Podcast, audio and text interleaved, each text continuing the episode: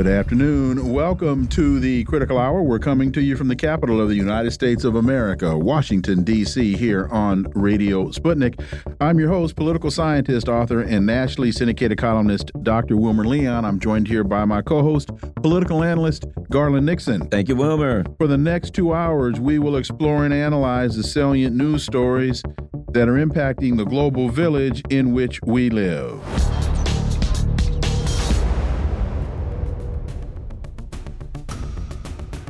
AP reports Iran strikes targets in northern Iraq and Syria as regional tensions escalate. Iran fired missiles late last night at what it claimed were Israeli spy headquarters near the U.S. consulate in the northern city of Erbil and at targets linked to the extremist group Islamic State in northern Syria. For insight into this, let's turn to our first guest. He's an award winning broadcaster, political analyst, and journalist based in Beirut, Lebanon. Laith Marouf, as always, Laith, welcome back. Great to be with you guys. So it's reported that four civilians were killed, six injured after missiles hit an upscale area near the consulate in Erbil, the seat of Iraq's semi autonomous Kurdish region.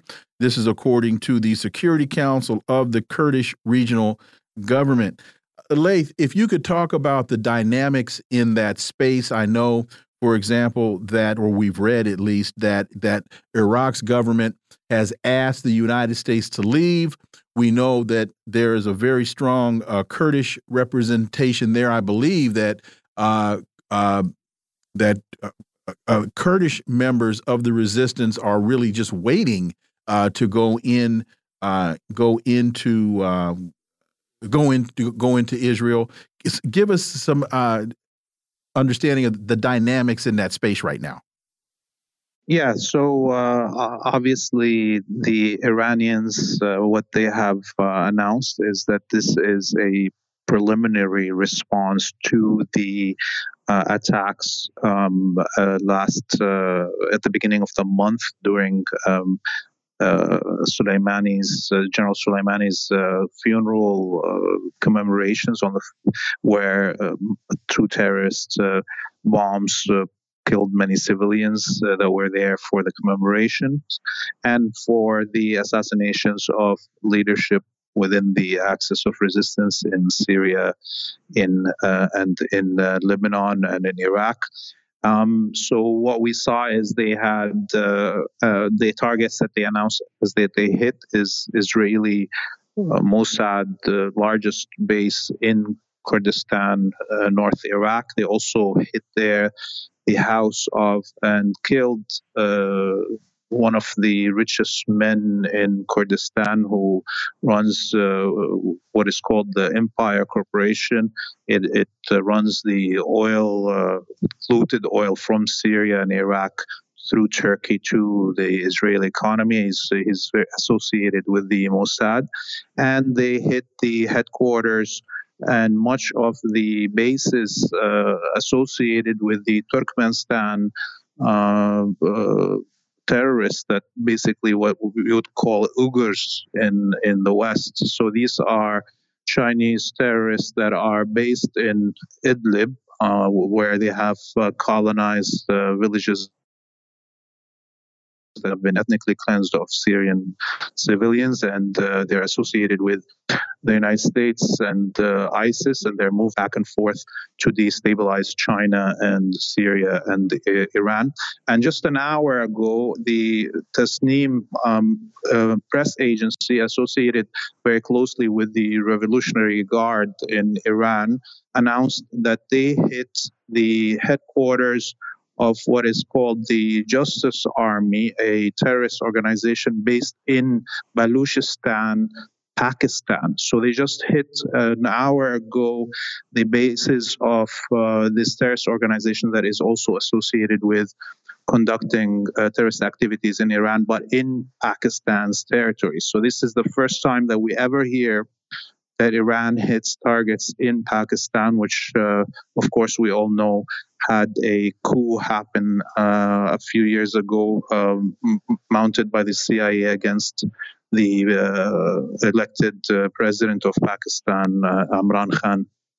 Laith, and as we know, you know, there's kind of missiles flying all over the place in the Middle East here in, over the last several weeks. The uh, who, uh, you know, there's a report, of course, that the uh, Ansar Allah struck a um, a a, um, uh, a, a, U.S. ship. Uh, apparently, it was a, a, the Gibraltar Eagle, a, Mar uh, a Marshall Islands um, flagship, but it's owned by a U.S. company. Now, now, there's another today. There are more reports that um, they've hit a Greek-owned ship that was heading to Israeli ports. There's uh, reports that the U.S. may have uh, bombed some targets again in Yemen, but they don't seem to be having a lot of effect. Um, your thoughts on the on the the conflict in the Red Sea?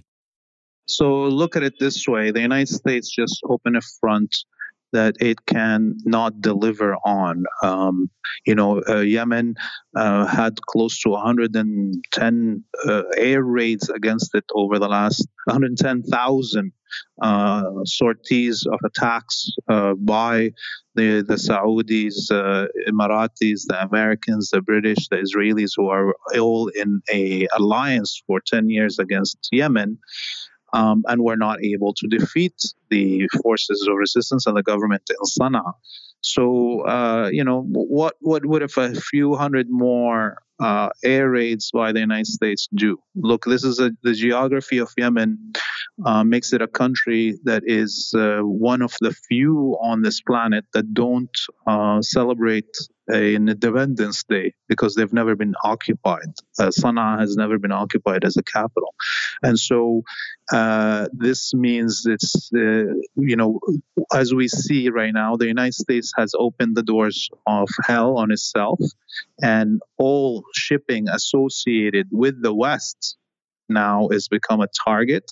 And already we know that the Houthis, uh, the Ansarullah government in Sana'a, and the National Army of Yemen were able to hit um, American, uh, not only trade ships as we see today and uh, a few hours ago from uh, the other ship that you mentioned, but also uh, hit American military ships because now we know that there's two American soldiers, uh, Navy officers, uh, you know, quote unquote, lost in the sea, according to the to the U.S.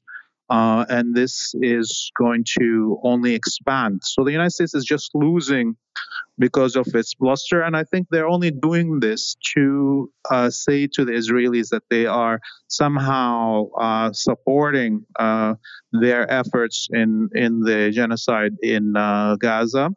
Uh, because you know the United States withdrew all its navy and all the West withdrew their navies from the Mediterranean to signal to uh, Hezbollah in Lebanon that they were not willing to go to war on behalf of the Israelis. But as we see, they're trying to just show off to the Israelis really something, but it's backfiring and it's going to cost the West more uh, than it can gain from uh, the signaling to Israel. They, they, will not get any more influence with the Israeli uh, elite, as we saw Netanyahu and others saying that the war in Gaza is going to continue on for a year and a half. And that's all because Netanyahu uh, hopes that a presidency of Trump will allow him more. And I think this is where, where everybody in the United States needs to kind of be understanding that the, the Israeli uh, elites are, uh, you know, uh, doing whatever they want to, and Biden has no say in what's happening. He's uh, just sitting aside and trying to have influence through these attacks on Yemen, uh, but will not get any because Netanyahu is betting on a Trump presidency, and that means that we're going to you know the the possibilities of a regional war keep on increasing uh, because of these actions which is a interesting dynamic since so many people who support Donald Trump say that they support him because he's an anti-war president. Your thoughts? Yeah, I mean, look, uh, the American uh, public that still engages with electoral uh, politics uh, are are deluding themselves to think that there's any going to be any difference in uh, how their presidents act in terms of their foreign affairs specifically, because uh, for that there is, uh, a, a, you know, great uh, lobbies and influence and uh, power structures that uh, control the foreign uh, policy of the United States that do not change no matter what president comes in. In fact, they they all talk before an election, but they in the end they all follow the same um, master plan that is there set by the establishment, uh, the foreign affairs establishment that has been, you know, um, in power and, and, and, and the influences that sit behind them. If, just let me quickly add to that, to that point about Trump as an anti-war president, it was really only due to the self-restraint of the Iranians in not immediately responding to the assassination of General Soleimani that prevented an immediate an immediate conflict at that point and we're now i think starting to see the repercussions of that assassination now because the iranians uh, they're just they're more deliberate in their in their thought process and they're operating on their schedule. They're not just giving knee jerk responses to to attacks by the United States. Is is that a fair thing to say, Laith? Yeah. Yeah, the, the Iranians have a, what they call it in, in their own terms, uh, strategic patience. Okay. And that means that uh, the response to the assassination of a leader like uh, General Soleimani, whose their main job was uh, uh, bringing together all the components of the axis of resistance and integrating them and raising their military capabilities to a, a singular standard.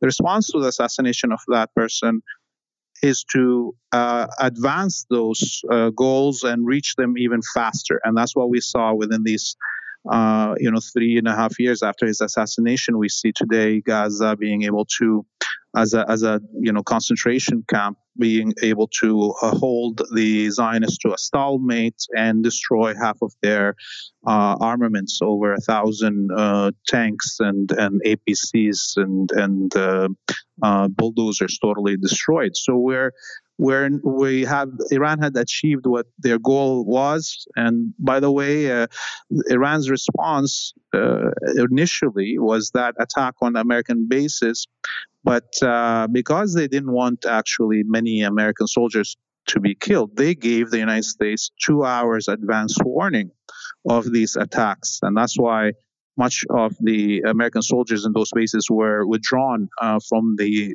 uh, declared targets.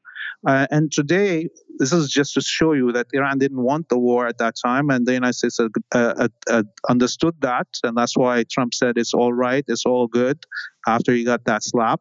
And similarly, when we look at what the United States did to Yemen today, because for two days they were giving a head up to the Yemenis that they're gonna bomb them, and that meant that, of course, they didn't want to have high casualties of Yemeni, uh, you know, soldiers. And, and Yemen withdrew much of the soldiers from the open, clear targets that could would have been attacked, and that's what happened. So we can still see that the United States is just blustering, and its bluster is actually causing it more losses in uh, deterrence and actual losses in control of uh, the seas and these uh, waterways. Laith Marouf, as always, thank you so much for your time. Greatly, greatly appreciate that analysis, and we look forward to having you back. You have a great evening. You do the same. Thank you. Folks, you're listening to the Critical Hour on Radio Sputnik. I'm Wilmer Leon. I'm joined here by my co host, Garland Nixon. There's more on the other side. Stay tuned.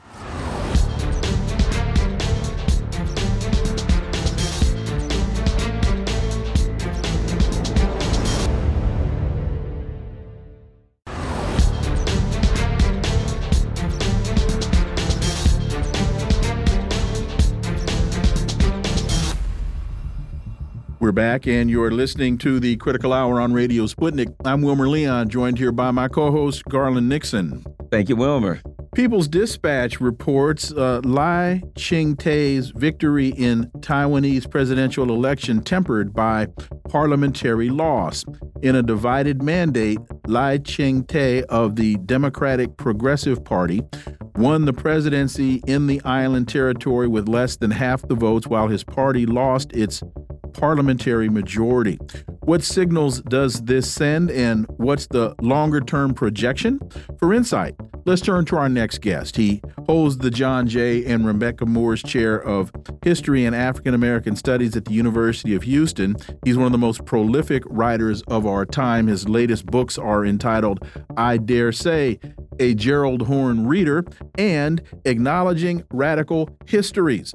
Dr. Gerald Horne, as always, welcome back. Thank you for inviting me. So the uh, People's Dispatch continues the general victory, nevertheless, was tempered by a divided mandate. Even though Lai broke the nearly three decade trend of the presidency swinging between the DPP and the KMT, he did not command the majority of the popular votes. So, Dr. Horne, what does this tell us about U.S. influence on the election and what can we take away from this as we try to figure out how to proceed in uh, going forward?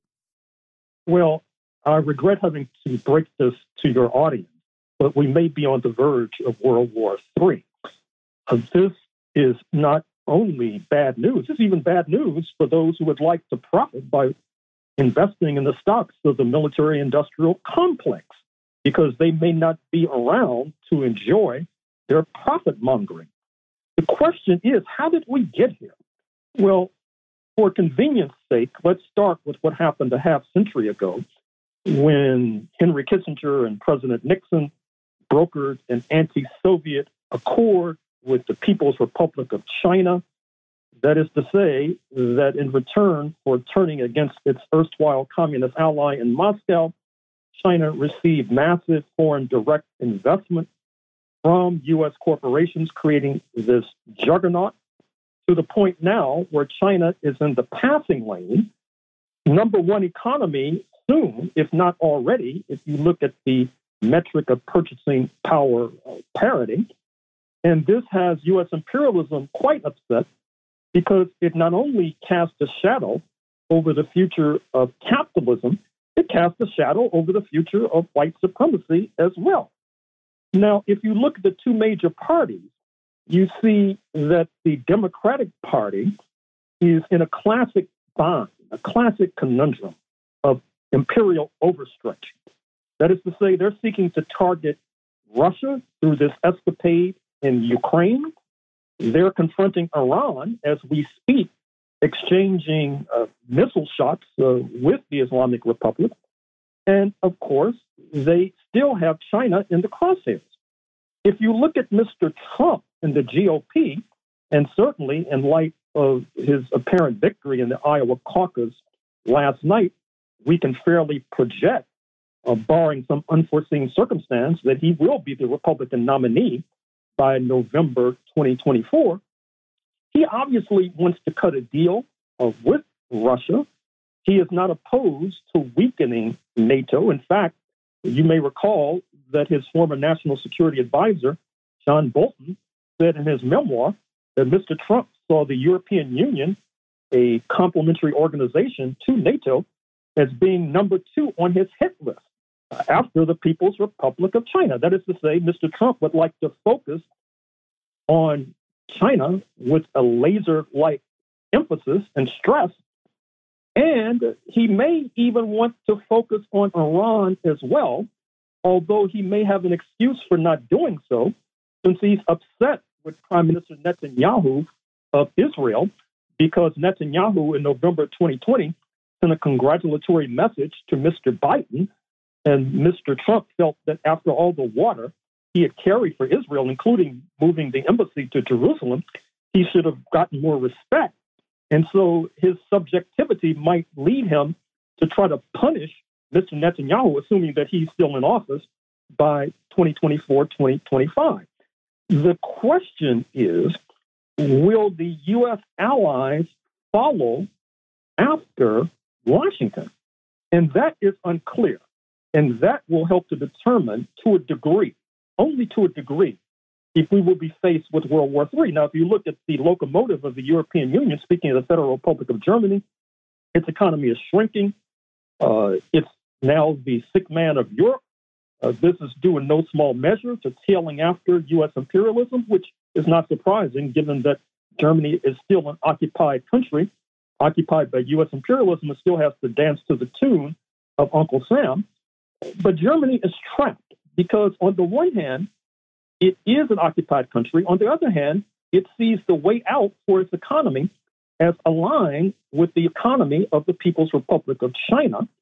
But there hangs a tail because the People's Republic of China is now eating the lunch of the major German export engines. Speaking of the automotive sector, China is now the leading automotive exporter, believe it or not, on planet Earth, which is due in no small measure to the fact that as a result of this Ukraine misadventure, Russia has reoriented its economy uh, towards China. They're now doing dealing uh, about uh, $200 billion annually in trade. By the way, not in dollars, in the ruble and in the renminbi. And uh, this is obviously jeopardizing the fortunes of BMW and Mercedes Benz and, and Volkswagen and all the rest. The Ukraine escapade once again uh, upset the complementarity between the Russian and German economies to the detriment of Berlin. And you see France in a similar position. On the one hand, uh, it needs the Chinese economy to drag its economy out of the ditch. On the other hand, it relies upon U.S. imperialism as the ultimate guarantor of world imperialism, not least in its neo empire in Mali and Burkina Faso and Niger and Guinea Conakry. So it too is trapped. Even the United States is trapped because it re- re- relies upon the People's Bank buying U.S. paper, keeping the U.S. government afloat. And keep in mind, we cannot rule out the fact that the U.S. government may be shut down sooner rather than later. For how long is unclear. But it needs the Chinese economy. At the same time, China is presenting a stiff and stern challenge to U.S. imperial hegemony. Uh, you see this dilemma in the fortunes of Tesla, uh, led by the South African born, apartheid born billionaire uh, Elon Musk, which manufactures heavily in China. But at the same time, Tesla is being challenged by BYD of Beijing which, by the way, is backed by the U.S. billionaire Warren Buffett, which has led to an increasing level of insult exchange between the two billionaires. Speaking of Warren Buffett and Elon Musk, and we need to keep a focus on that in terms of these inter imperialist uh, contradictions that are sure to arise. And if you look at Microsoft, which has now passed Apple as being the most uh, valuable U.S. corporation, perhaps the most valuable global cor- corporation, it's heavily dependent in terms of its fortunes in artificial intelligence on its laboratory in China. Uh, Microsoft may have to take a haircut, may have to shut down that lab as a result of having to get in sync with the dictates of U.S. imperialism. And if you look at Apple, it's seeking to forestall taking a haircut by moving production increasingly to India. But the problem with India is that it does not have the infrastructure in terms of electricity and airports and highways that China has developed over the decades thanks to U.S. imperialism. If you look at Japan, it too is trapped. It relies heavily upon the Chinese economy, like its other members of the so called G7, but it fears the People's Republic of China, fearing that China still is bent upon revenge because of the depredations inflicted upon China by the Imperial Army during World War II, uh, leading to the massacres of millions. And recall as well that China exacted a certain kind of revenge as recently as 1985 when it joined with the United States and its North Atlantic allies in the so called Plaza Accord, which strengthened the Japanese currency, leading to lost decades for the Japanese economy, from which it has barely recovered to this very day. And of course, uh, Japan is heavily connected to Taiwan.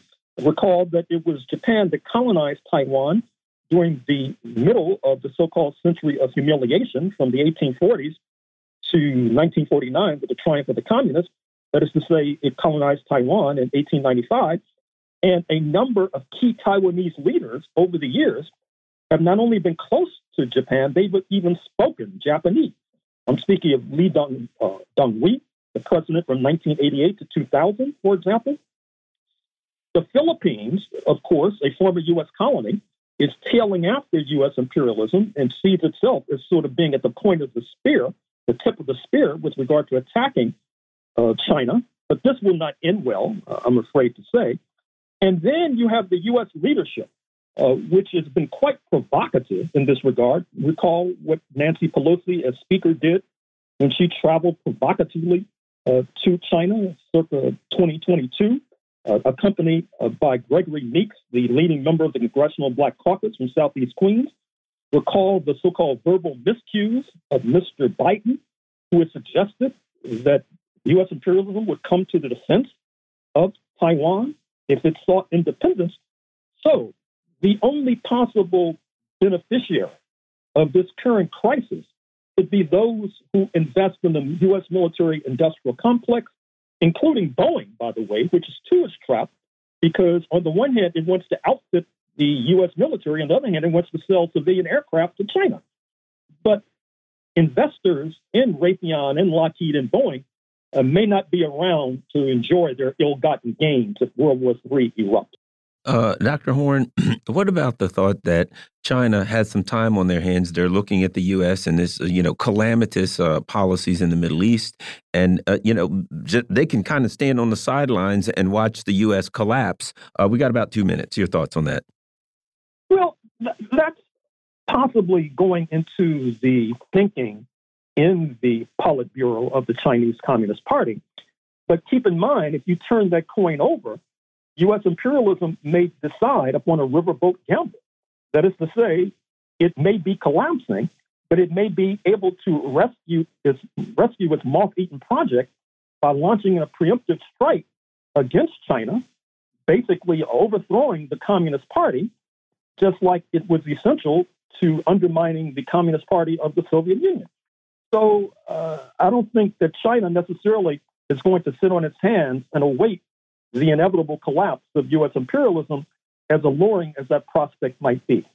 And uh, as we get out, we have just about two minutes. RT has a piece. The people of Taiwan don't want war with Beijing, so why did they elect a pro independence president? The outcome is certainly a boon for the U.S., allowing it to continue its campaign of pressure on China. Your thoughts? Well, as you mentioned accurately in your uh, setup introduction, the so called pro independence forces uh, in the DPP uh, lost their majority uh, by quite a substantial measure in the parliament.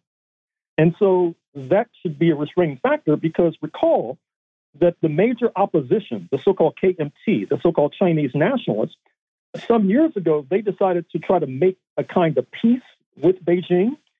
And that is going to restrain the hotheads uh, in Taiwan I should also say that in my uh, remarks, I should have mentioned the role of chip manufacturing, the fact that what goes into your smartphone and increasingly in automobiles are manufactured on this island off the southern coast of China, about 23 million strong. And even though the major chip manufacturer, TSMC, is busily building plants in Arizona and elsewhere in the United States, it's no secret that they feel that the United States is not up to the task of masking, of, of matching the efficiency and the production of Taiwanese chip manufacturing. So once again, U.S. imperialism is trapped with no way out, and buckle your seatbelts as a result. Dr. Gerald Horne, as always, thank you so much for your time. We greatly, greatly appreciate that analysis, and we look forward to having you back. Thank you. Folks, you're listening to the Critical Hour on Radio Sputnik. I'm Wilmer Leon. I'm joined here by my co host, Garland Nixon. There's more on the other side. Stay tuned.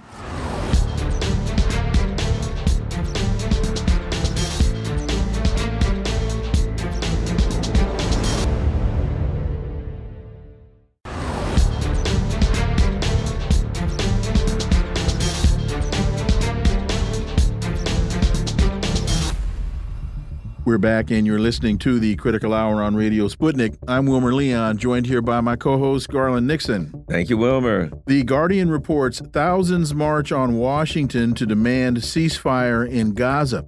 Flyers indicate protesters came from as far as Florida, Minnesota, Texas, and Wisconsin to protest war and U.S. aid to Israel. For insight into this, let's turn to our next guest. She's a professor in the Department of Political Studies and director of the Geopolitical Economy Research Group at the University of Manitoba, Winnipeg, Canada, author of numerous books. She is Dr. Radhika Desai. Dr. Desai, I hope I got it right this time. I've been practicing. You, it, it shows it's perfect. Thank you. the protest, called a March on Washington for Gaza, was promoted as likely to be the largest pro Palestinian demonstration in the U.S. since the October 7th attack on southern Israel by Hamas fighters emerging from Gaza, which killed almost 1,200 people and led to a massive military response from Israel. Uh, Dr. Desai, uh, I was there. Garland was there. For the media to say thousands marched, they they got it wrong. Uh, I think Garland will agree with me. There were hundreds of thousands of people uh, in uh, in Washington on Saturday. Y your thoughts on uh, on the message that's that's being sent here? It it really appears as though the Zionist lobby uh, is losing the the propaganda war? I think that's definitely the case. They are the propaganda still is so thorough. It is so wall to wall. It's incredible. But despite that, as you say, hundreds of thousands of people are showing up on such demonstrations. There was one here in London, of course, on the same day, roughly at the same hour.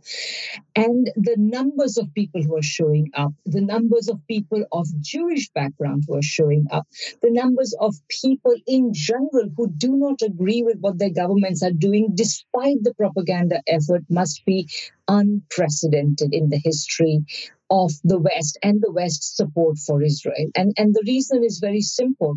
We've never ever in the past witnessed a televised genocide. The fact is that even though the West is doing, and the Western mainstream media are doing everything in their power to uh, uh, to to not report from Gaza, in fact, ordinary people in Gaza are recording what's happening, and this is getting out, and people are listening and they are watching.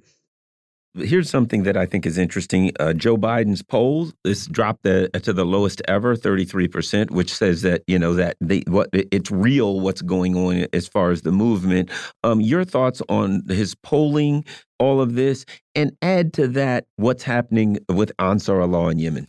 In fact, let me add to that uh, because one of the things that I, I, said to Garland is as I was standing out on the corner of uh, 14th and K in Washington, D.C., as these thousands and thousands and thousands of people were passing by, I didn't see protesters, I saw voters, and they weren't happy. Dr. Desai. Absolutely. So, so first of all, I would just like to say that on the poll numbers, uh, I think obviously one of the key reasons why the poll numbers are not good is because people don't feel better off after nearly four years of Biden.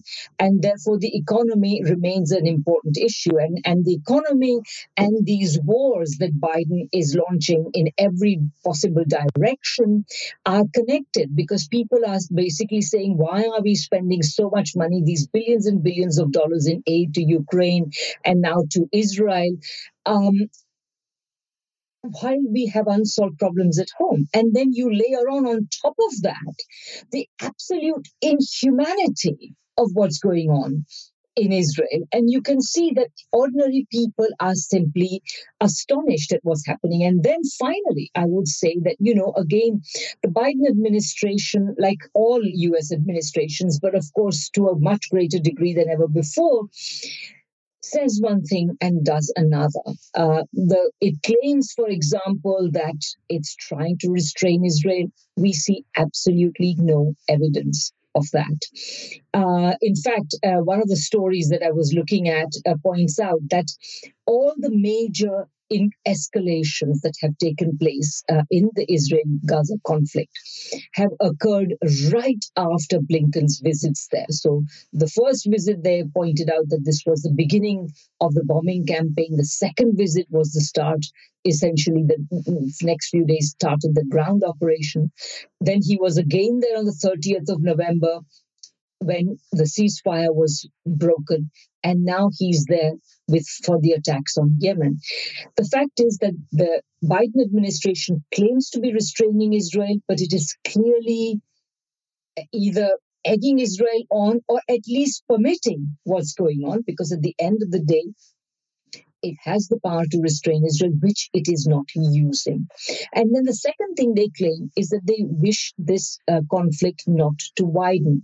Well, nothing the Biden administration has done over the last hundred days and more shows you any shows any sign that they don't want the conflict to escalate and on the contrary it shows every sign that they want the conflict to escalate because in addition to supplying israel with weapons that you know i mean if they turned off that tap uh, israel would very soon be brought under restraint but they are not doing that.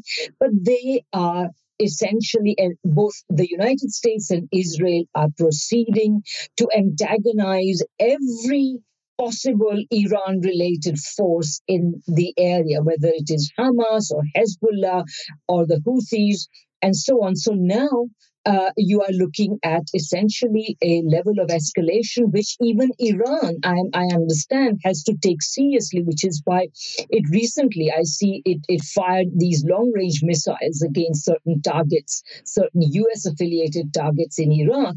Uh, demonstrating that it has the capacity to very precisely bomb targets that are more than a thousand miles away. You you mentioned that this is the first time that people have been able to see genocide play out on their television screens. And, and that comment made me think about the young lady known as the Napalm Girl, uh, Phan Thi Kim Phuc, uh, who was uh, about 13 or 14 years old, and a photograph was taken of her in 1972 running naked down a road after having been uh, burned by South Vietnamese napalm. And I remember the the impact that that photograph had on changing the mindset of people in the West on what was happening in Vietnam. And I'm wondering if there are any parallels to be drawn between the then and the now. Well, I think that people are definitely shocked. You know, in addition, we have not mentioned, uh, of course, the excellent case that South Africa is making to at the at the Hague, um, pointing out all the evidence, compiling all the evidence of genocide that that Israel is conducting. So I would say that on the one hand, this is definitely the case and and and that's why you are seeing uh, these massive demonstrations taking place because at the end of the day ordinary human beings no matter how apathetic they may be they have a moral core so absolutely i think that the, the you started this interview by pointing out that the, uh, israel is losing the propaganda war i would say israel and Mr. Biden are losing the propaganda war. And I would say also that this is going to have an impact on the elections. There is absolutely no doubt. Your thoughts on, you know, who's, let's just say, winning the propaganda war as an example? Yemen, Ansar Allah. The U.S. has, you know, bombed um, Yemen. Yemen was bombed like 110,000 times or something like that over the last 15 years, but they've learned how to put their stuff underground and in bunkers. And, you know, I heard someone who was from the region recently say, you know, Yemen is winning. Yemen is getting recognition. Um, anyway, your thoughts on that, the Red Sea crisis? Well, uh, uh, okay, absolutely. So first of all, yeah, you these people have uh, have suffered a lot, and I would say that you know when you reduce a people to the point where they have nothing to lose, you create a formidable enemy. And I think to some extent, I think by reducing forces like Hamas, like uh, the Houthis, and so on to such a, a level, has essentially made very formidable enemies out of them. These people are capable of military action of the sort that that they and, and by the way, they have been extremely consistent. They have said that they are attacking uh, cargo bound for Israel, and they are keeping to that. Because I was just looking it up. After, you know, we in the West we only hear that all these big European companies, shipping companies, are diverting their traffic. But what you don't hear is that uh, traffic in the Red Sea is still going on. Okay, it's down by 20%, maybe 30%, but 70 or 80% of the traffic is still going through. And the other thing they've done as well, because after all, they live there, they don't want to live with the consequences, they are not attacking oil tankers because that would create enormous oil spills, which would simply contaminate their own part of the world. So I would say that they are keeping to all these things. It's the United States that is uh, uh, uh hysterically inflating what they are doing in order to draw attention away from the fact that the Houthis are saying something very simple. You stop bombing Gaza, we'll stop creating problems for you on the Red uh, on the Red Sea, and and and and and, and even in this limited uh, manner. So so I would say that uh, absolutely, they, the United States has created foes that it does not stand much of a chance against, and these foes have been created simply because the United States still imagines after decades of failure that it can somehow dominate the world, that it can somehow make the entire world do its bidding. Folks, somebody in Washington needs to tell whoever is the president today, tomorrow, whenever, that this ain't going to happen. And you need a plan B. The US has needed a plan B for decades. And t- uh, today it needs it more than ever. But it seems as though, you know, we are seeing that. Uh, President, uh, uh, uh, I mean, Trump is going to probably win the Republican nomination between Trump and Biden. I mean, what's there to choose? I wouldn't be surprised if many Americans didn't just stay at home if that was the choice that was offered to them. And as we get out, we have just about a minute and a half left. To your point about a, a plan B, uh, America knows nothing but its own narrative. So when it comes to negotiation, the United States doesn't understand negotiation, it understands capitulation. You do what we tell you to do, and then we can sit down and talk. Uh, the United States doesn't understand anything other than American exceptionalism, manifest destiny, all of those uh, worn out, warped phrases that has fueled the empire. So all it knows is pedal to the metal in drive, it doesn't understand neutral, and it damn sure doesn't understand reverse. Yeah, except, you know, this is so, this is really interesting. You're absolutely right, of course. But the difference is that today the United States can put the pedal to the metal. But you know what? Gas tank is empty it's not going to get what it wants. And this is, you know, this is where, you know, uh, an in, irresistible force meets an immovable object. Mm-hmm. I mean, that's what you're going to look at over the next, well, over the next year and probably years, unless and until the United States realizes that its capacity to realize its inflated ambition is today lower than it ever was. Dr. Radhika Desai, thank you so much for your time. Greatly, greatly appreciate. I'm still practicing. Greatly, greatly appreciate that analysis, and we look forward to having you back. Thank you very much and lovely talking to you again. Bye bye. Bye bye. Folks, you are listening to the Critical Hour on Radio Sputnik. I'm Wilmer Leon, joined here by my co host, Garland Nixon. There's more on the other side. Stay tuned.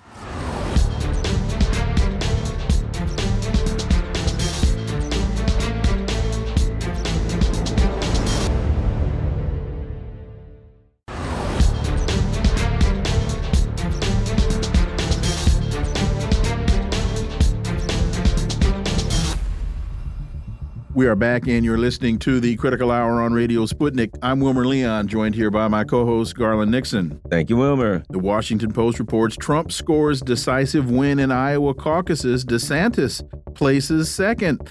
Donald Trump romped to a decisive victory last night in the frigid Iowa caucuses, cementing his formidable grip over the Republican Party and pushing the nation closer to a historic modern rematch with President Biden. For insight into this, let's turn to our next guest. She's a political commentator and podcaster of the Misty Winston Show. And Garland, I'm going to bet you dollars to donuts. It's Misty Winston. It is. there we go. It's me. There we go. How are you? I'm doing very well. How are you guys? We're doing we're doing almost as good as Vivek Ramaswamy. um, with with 96% of the vote tallied, Trump was leading with 51% last night, more than his next two rivals combined. Misty, I think the real takeaway here is not Trump, but DeSantis edged out Nikki Haley for second place, and Vivek Ramaswamy has suspended his campaign and endorses Trump. Your thoughts? Yeah, I mean, who's shocked by this, right? I mean, uh, I, don't think anybody uh, paying even the slightest bit of attention is shocked by the idea that Trump just took a massive win in the Iowa caucuses. He is going to be the GOP nominee, barring some uh, weird judicial uh, something legality, some some weird thing that happens that prevents him from running for president. He is almost certainly going to be the GOP nominee now. Um, I do think that what's interesting about this Washington Post uh, article is that they say it pushes the nation closer to a historic modern rematch with President Biden. I still don't think Biden's going to be the nominee. I think almost certainly they're going to try to replace him at some point. Mm-hmm. Um, I could be wrong, but I think that that's likely. But yeah, I think. Well, let me uh, say well, just quickly to that point. I agree sure. with you wholeheartedly. So no, you're not wrong. Yeah okay.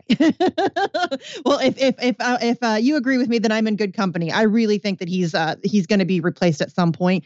Um, I think there's just conversations taking place about how and when to make that happen uh, with the least amount of fallout as possible. But I mean, yeah, Vivek Ramaswamy dropping out, I think is funny. Um, uh, you know, after one caucus, I think honestly, it's more of a business decision for him than it is anything else. I think that he's trying to repair the relationship with Trump, uh, who Trump has come out and criticized him as of late, and I think he's probably looking for a cabinet position if not the VP slot. Um, but yeah, DeSantis, uh, n- you know, edging out Nikki Haley is really amazing to see. She is horrendous, and I think that um, Rand Paul coming out with the Never Nikki campaign, I think was certainly helpful uh, to uh, to push that along, uh, and hopefully that'll continue. Although she gave a delusional speech where she tried to pretend as if uh, this narrowed it down to her and Trump, which is ridiculous. But um, you know, she's just doing her thing. But yeah, I think it's good to see DeSantis. I mean, I'm no DeSantis fan, but Nikki Haley is horrific. Yeah, that's like me arguing. You know, when it comes to uh to, to rich people, you know, it's a it's a race between me and Elon Musk. You know, right? Between the two of us, we're worth uh 150 billion dollars. Average 75 billion each, if you think about that.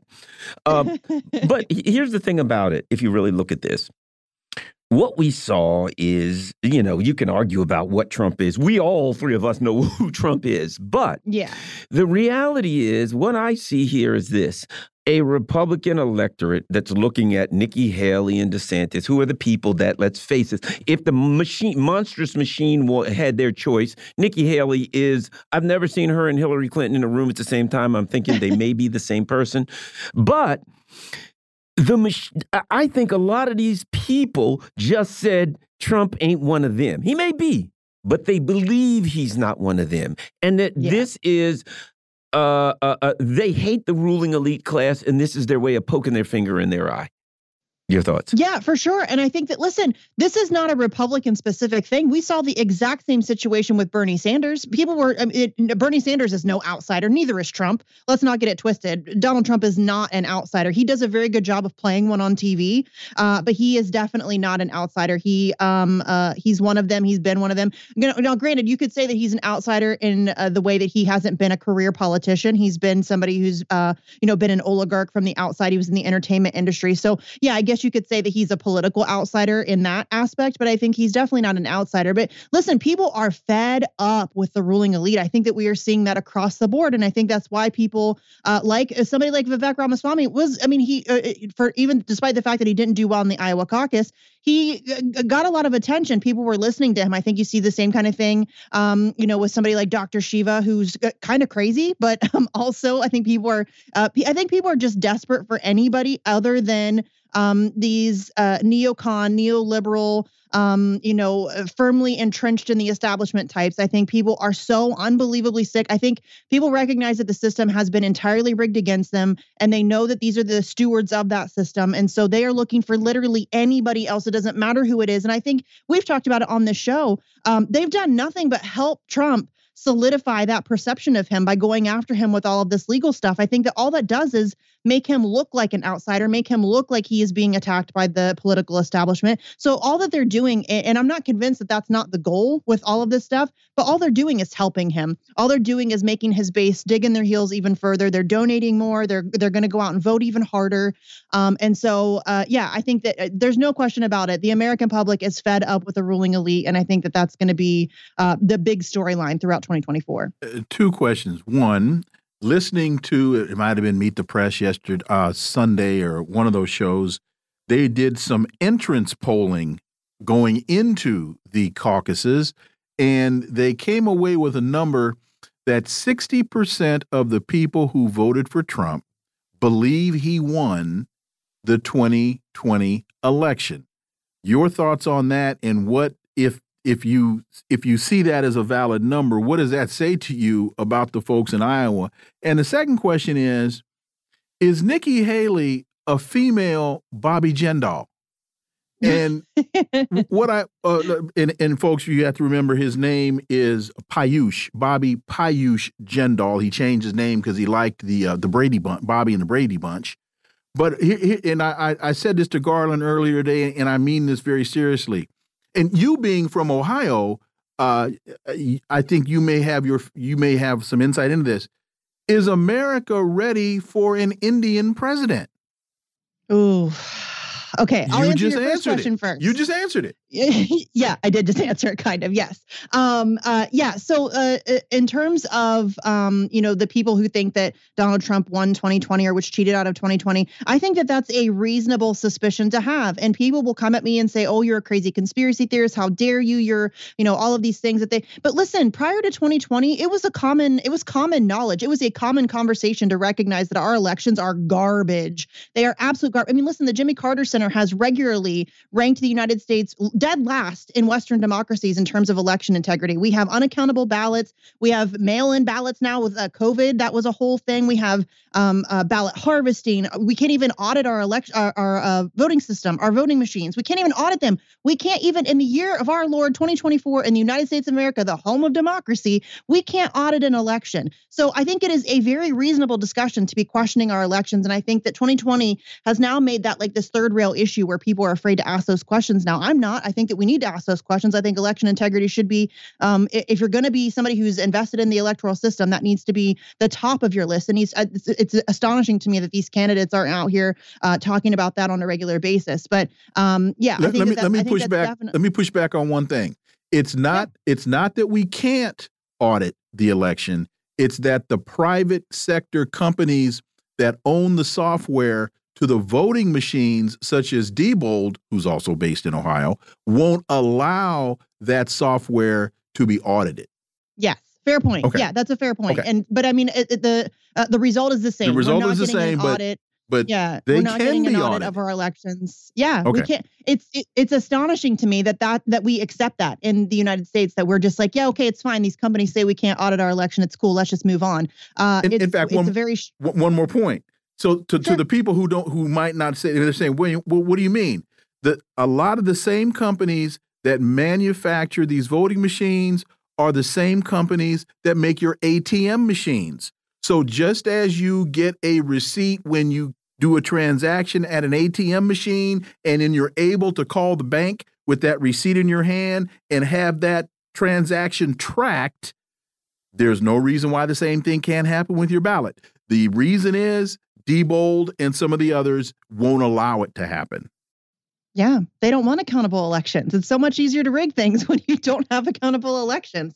Uh, so yeah, I think that that's a reasonable conversation, and I think that that's it's not specific to Iowa. I think a lot of people across the country probably have that uh, concern, and they should. Um, so as far as your second question, I th- is the United States ready for an Indian? I mean, listen, Probably not. you know what I mean? And I, I'm not saying that uh, because I'm not ready for it. I don't care. But I think uh, that is a very tricky situation. And I think that the changing of names to try to seem more Western and all of that stuff um, is certainly something that uh, would probably be beneficial and helpful. But I think, especially with Nikki Haley, you think Donald Trump's not going to use that against her? Of course he is. If she even makes it that far, no. right? She's probably not. She's, but it, yeah, it's, I, I don't know. I, I, it's probably not, is my answer. I would say this if if Donald Trump runs against Joe Biden, my opinion is he could have a Martian as the vice president. If he's running against Joe, my opinion is he wins. But we yeah. there's only we don't know what's going to happen. But that that's my thoughts. We'll see.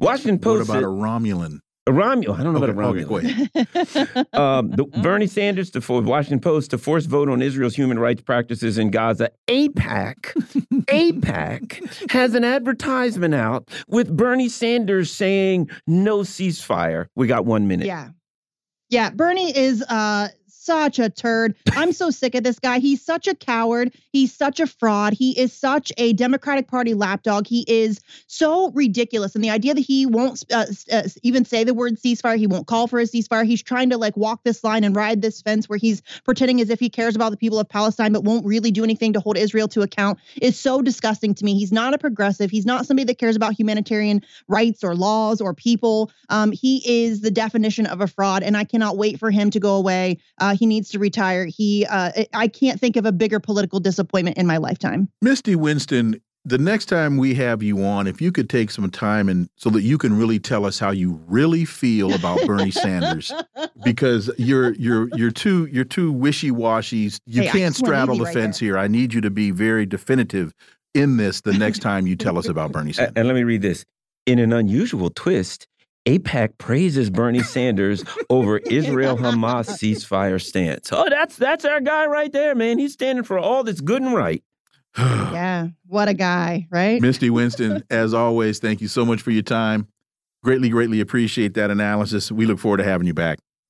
Thanks, fellas. Anytime. And work on your analysis of, of Bernie Sanders. We, you need to be definitive in that. that. Thank you. Folks, you're listening to the Critical Hour on Radio Sputnik. I'm Wilmer Leon. I'm joined here by my co host, Garland Nixon. There's another hour on the other side. Stay tuned.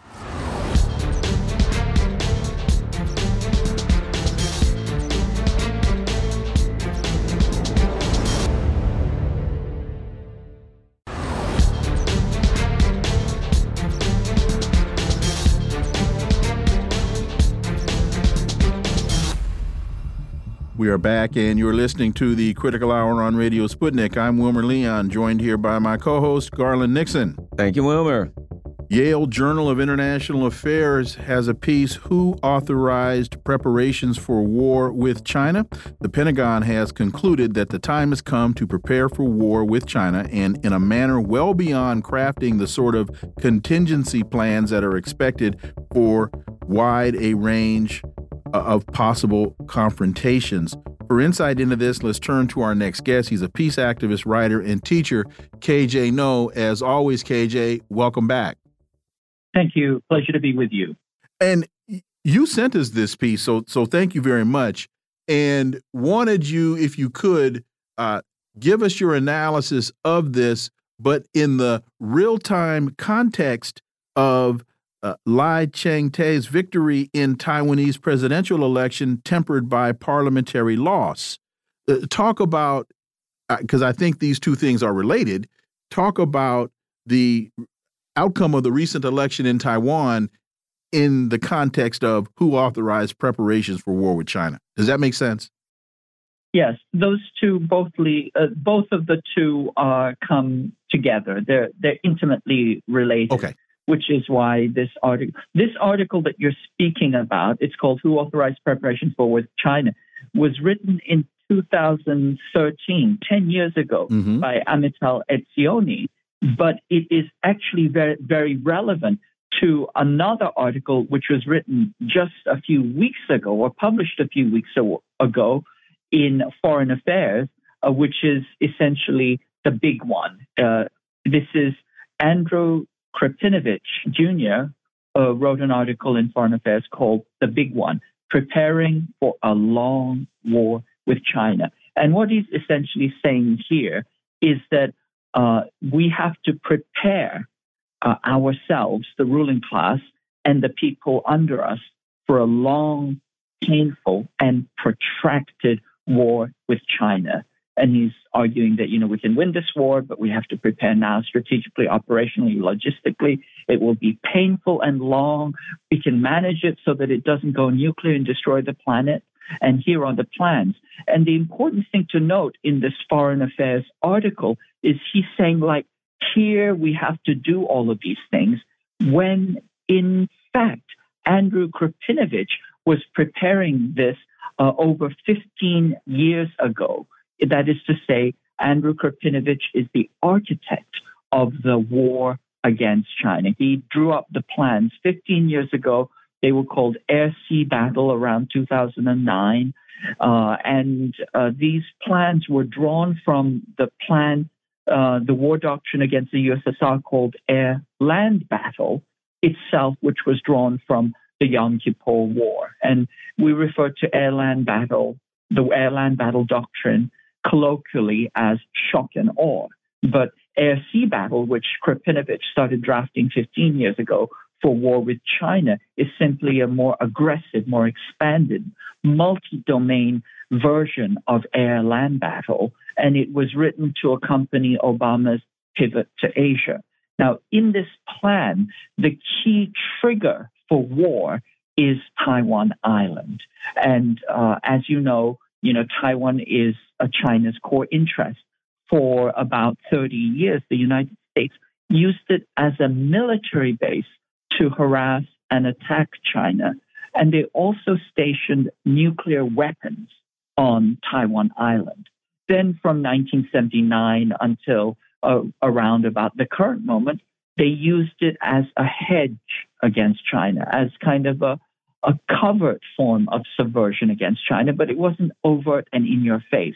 And now it is being uh, transformed back into a U.S. military base with the plan written out legislatively. It's called TARA, Taiwan Enhanced Resiliency Act. It's a plan to turn Taiwan into the next Ukraine by filling it full of weapons, by taking control of its military, by taking control of its government, and essentially preparing a new Ukraine. Who was responsible for the passing of TARA or who was instrumental in the passing of TARA in US Congress? Well, it is the vice president elect called Louise Hsiao. She is the vice president uh, elect. Uh, she's uh, she was an American citizen. She grew up in New Jersey. She's very, very close to the right wing hawks uh, in the United States. Uh, she was the U.S. representative of Taiwan uh, province to the United States. Uh, and she was also responsible for bringing Nancy Pelosi to Taiwan. So these are the die-hard secessionists who have squeaked by in this tiny, tiny fractional election uh, just barely getting in in this first past the post. They only have 28% of the total electorate. And based on that thin mandate, uh, we expect them to push uh, Taiwan Island closer and closer towards a kind of de facto independence, which then will serve as uh, a red flag and a trigger uh, for war with China. How does the um, their losses in the parliament affect um, the their ability to to enact their uh, diabolical plan? Well, um, so they had the majority in the parliament, and before they had you know fifty seven percent.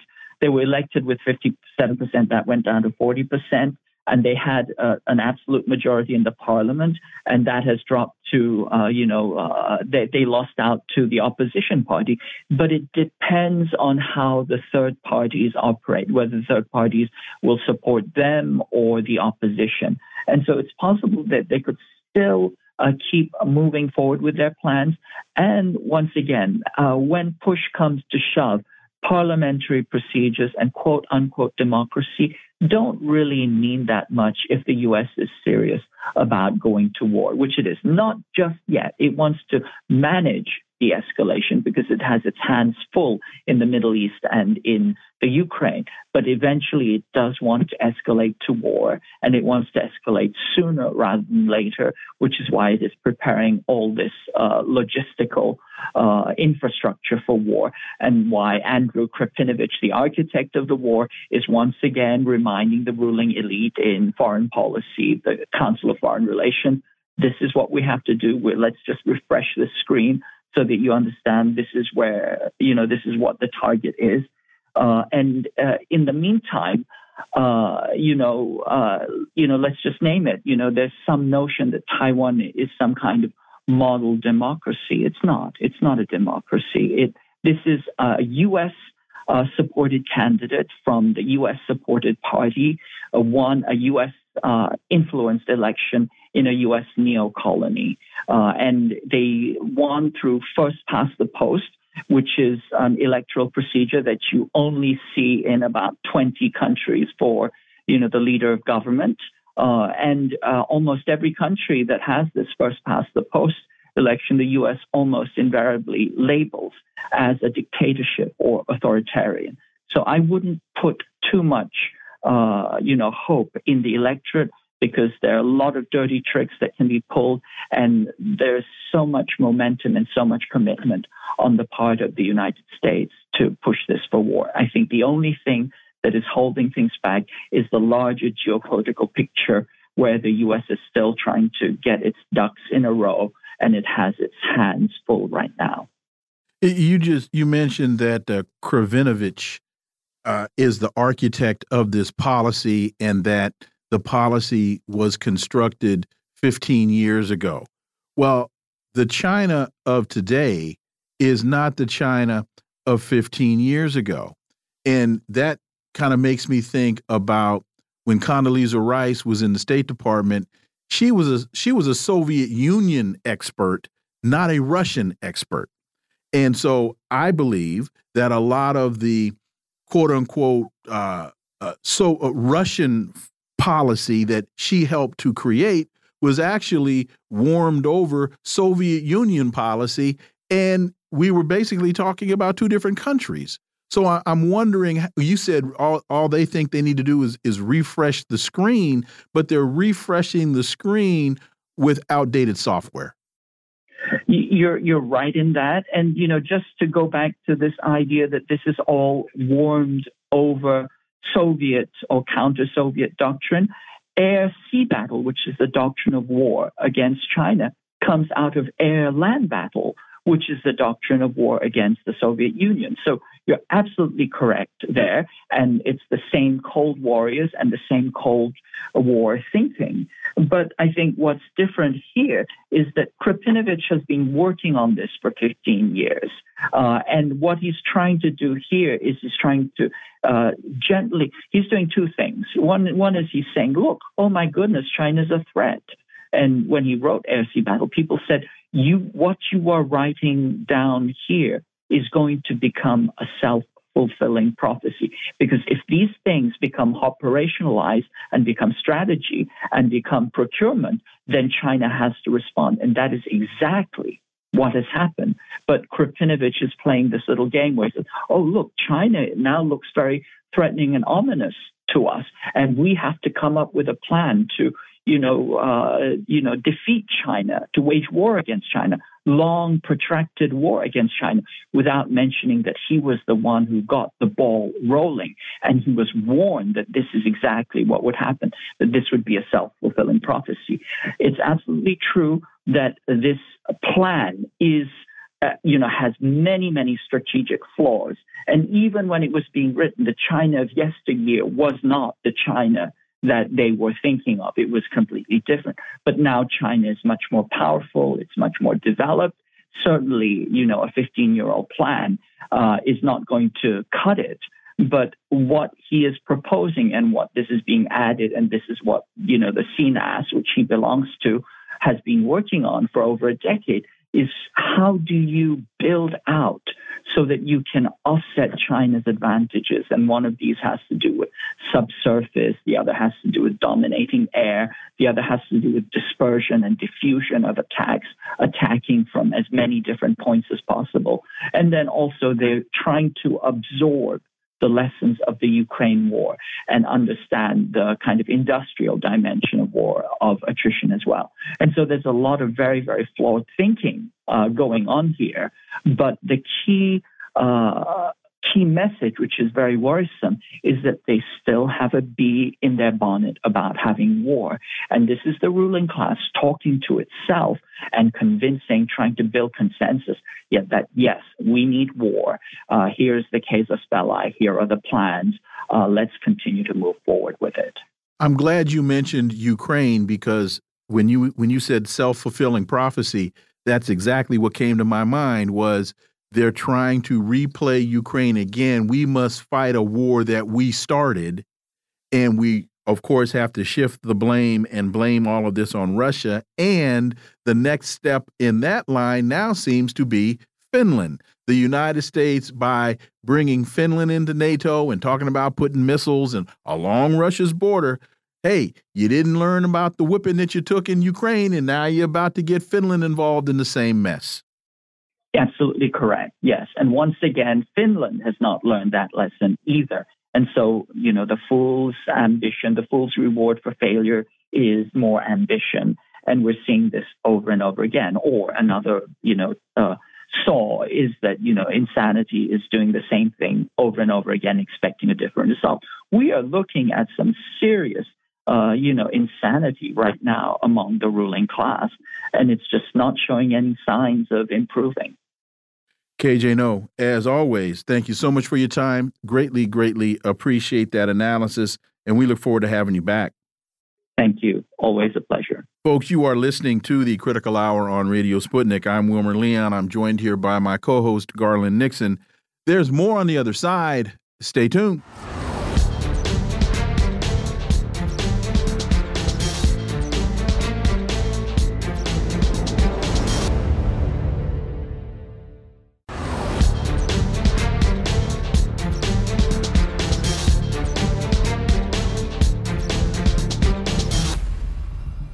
We are back, and you're listening to the Critical Hour on Radio Sputnik. I'm Wilmer Leon, joined here by my co host, Garland Nixon. Thank you, Wilmer. Counter Information has a piece entitled With Attack on Yemen, the U.S. is Shameless.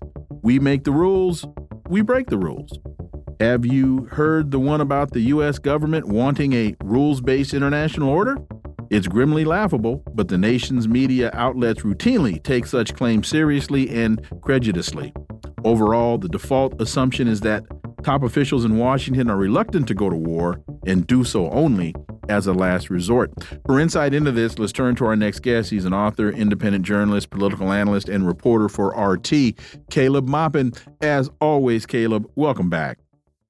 Sure. Glad to be here as always. So uh, the piece continues. The framing was typical when the Times printed this sentence at the top of the Friday front page. The U.S. and a handful of its allies on Thursday carried out military strikes against more than a dozen targets in Yemen controlled by the Iranian backed Houthi militia, U.S. officials said, in an expansion of the war in the Middle East that the Biden administration had sought to avoid for three months. Uh, talk to this as well as this reference of Iran backed Houthi militia. It, it, whenever we hear about them, more times than not, it's the Iran backed Houthi militia. We never hear about the U.S. backed uh, IDF going into Gaza, but we always hear about the Iran backed Houthi militia. Caleb Maupin. Sure. And ever since the war in Yemen really escalated in 2015, the narrative of certain forces, uh, namely the neoconservative ones. Uh, this hasn't been the, the track that the liberals have used, but the neoconservatives have always tried to present the Ansar Allah or Houthi forces in Yemen as simply being proxies of the Islamic Republic of Iran. But the facts on the ground just tell the opposite story because the amount of bombardment that Yemen has faced at the hands of Saudi Arabia uh, the blockade, the inability of the people there to get medicine and food, and the amount of lives that have been lost in the conflict all point to a reality which is that if this is was just if, if the Houthis were just a bunch of Iranian stooges, this war would have ended a long time ago. Um, but the fact that so much of the population is so loyal to the Houthi forces, has been willing to die and lay their lives down for the Houthi forces, reveals that especially in the Saada province where the Houthi movement began, but in many other parts of, of the more mountainous uh, northern Yemen, where much of the concentration of the population is. I mean, that's where, you know, about 80% of the Yemeni population lives. In those areas, the Houthis have an overwhelming amount of public support. And that's because of the hospitals that Hussein al Houthi built uh, with the Mehran Charitable Social uh, Association that provided medical care going back into the 1990s. Uh, that's because of what they have done in terms of, you know, demanding and making sure that fuel subsidies remain in effect. They have taken care of people. They have built a, a movement of people. They have thousands and thousands and thousands of very dedicated active members in many different regions, but most especially in the northern regions of the mountainous areas in Saada province. And the Houthis are not simply Iranian proxies or Iranian puppets. There may be some support they receive from Iran, but that's really not relevant if you look at the situation, because if they were simply Iranian proxies, they would have been defeated a long time ago by the huge missiles and the huge military of Saudi Arabia backed by the United States. Um, and uh, you know your thoughts on um, looking at this uh, Red Sea from the perspective of the U.S. and and and and and and, and uh, England, uh, the U.S. and the U.K. attacking targets um, as though that would have an effect on what the Houthis are going to do. Will here's the question: Will it have an effect on what Ansar Allah or the Houthis are going to do, and if so or if not, why? Well, it's interesting because the New York Times reports that the U.S. strikes against Yemen were actually pretty uh, weak. Uh, they only, you know, hit about 25% of what they intended to hit. Um, and you have to wonder if the USA was almost showing restraint because it feared uh, a response. Um, at this point, we have seen just in the last, you know, the last 24 hours, we've seen the, the Islamic Revolutionary Guards of Iran uh, begin targets, you know, targeting facilities in Iraq and Syria and elsewhere, um, and that there was a fear of a region-wide response. Uh, the Houthis have no intention of stopping the ships in the Red Sea. They have no intention of not showing solidarity with the Palestinians, and they are almost emboldened by the fact that the USA attacked them. Hussein al Houthi was telling his followers back in 2002 that there would come a time when no one in the world would be standing with the Palestinians and the Yemenis would have to stand up and do it. And to the bulk of, of the population of Yemen, it feels like how Hussein al Houthi, who died in 2004, his, his prophecy seems to be coming true uh, because now they are standing with the Palestinians in a way that no one else can. And, and the whole Palestinian movement is, is supporting them around the world. The other thing, though, I think this is the point that the piece was making, is the legality of these U.S. strikes on Yemen is non existent under international law. And they talk about a rules based global order. Uh, you know, they invoked the self defense clause of the UN Charter to say that, that that gives them the right to attack Yemen because these ships are being attacked. Well, the the charter of the UN, when it talks about self defense, it means if your country is attacked, not if someone's blocking your ships the right of a country to self defense does not apply to ships being blocked in the ocean. Uh, it applies to tax, attacks on your territory, your internationally recognized territory. So that that number one is ridiculous. Second of all, the the resolution that was passed by the Security Council simply said that countries have the freedom of navigation. They have freedom to to navigate. It didn't say that therefore uh, the United States has the right to attack Yemen or attack any country that violates that freedom of navigation. Uh, so that resolution that was passed uh, before the UN Security Council that Russia abstained on uh, did not give any uh, any uh, you know permission uh, for the for the attack on Yemen that was carried out by the United States and the United Kingdom. there is absolutely no legality to this, right? Just because the Houthis are blocking ships doesn't give you the right to then unload on Yemen and destroy their airports and and bomb them. So there's no no legality to what the United States is doing, and it really makes the term rules based global order pretty laughable. And to that point, Caleb, we've known this for years. We've known about the duplicitness of American policy. We've known about the hypocrisy. It's been playing itself out right before our very eyes. But do you get the sense that it's now having a different resonance and that basically folks aren't buying it anymore? and you know when i when when i looked at the turnout at the at the march on saturday in washington d.c for example and reading the signs and and listening to the folks on the ground, I get a sense that that Blinken's words and his blather are now falling upon deaf ears. Well, many countries that usually line up with the United States on this kind of thing are keeping silent or keeping their support to a minimum. Uh, they don't want to go down with the ship, so to speak. You know, the fact that Spain declined to be part of the coalition, Australia declined, Germany has has said they will be part of the anti-Houthi coalition, but in a very lukewarm and mild way, and that that there are many many countries around the world that are just not thrilled with the whole situation. And while they're not thrilled about the Houthis blocking ships, uh, they certainly aren't thrilled about the fact that uh, that you know Israel continues to bomb Gaza when the whole world is asking for a ceasefire, and that the United States is going to such ridiculous lengths to appease Israel uh, while there's so much opposition to what they have done. I mean, the body count is above 23,000 people and rising. Uh, the whole world is demanding a ceasefire. Israel just continues to bomb, and the, the Houthis are stopping these ships, saying they want the bombing to stop. And there's many countries in the world that are saying, okay, well, let's negotiate a ceasefire. And uh, we have a situation where um, it, it, also was pointed out very clearly and very articulately by the Russian ambassador to the United Nations, Nebenzia, he pointed out uh, that uh, that that from the moment the United States was saying that that the Houthis, uh, you know, actions in the Red Sea were going to be stopped and going to have consequences, there was immediate talk of military force. They never tried to negotiate with the Houthis at all. There was never any effort to say, okay, if you stop the ships, we'll give you this. It, it was just stop the ships or we'll bomb you. That was the conversation, and that's not how one conducts, uh, you know, problem solving and conflict resolution on the international stage. It's not realistic, right? And the idea that Houthis are going to say, "Oh, you're going to bomb us," oh, oh, sorry, yeah, we'll, we'll stop right now. I mean, that's that's not how people that are involved in armed conflict, as the Houthis have been since 2002, they have been engaged in armed conflict. This is an armed movement. Their symbol is a a hand gripping a rifle uh, you know, the idea that they're going to stop because the United States threatens to bomb them is not something that, uh, that, that is even realistic, let alone standard procedure. Caleb, uh, Norman Solomon writes Have you heard the one about the U.S. government wanting a rules based international order? And um, the, the discussion now is the world's looking at, at, at, at what Tony Blinken also refers to as the U.S. led world order. 4% of the world is supposed to control the rest. Well, the hypocrisy of what's going on here, particularly when compared to the U.S. positions on Ukraine versus the U.S. positions on Gaza, are making it obvious that the rules based international order is a fraud. Your thoughts, Caleb? Well, again, I, I see that many countries in the world are seeing through the logic of the United States and seeing how how illegal what the USA did in Yemen was.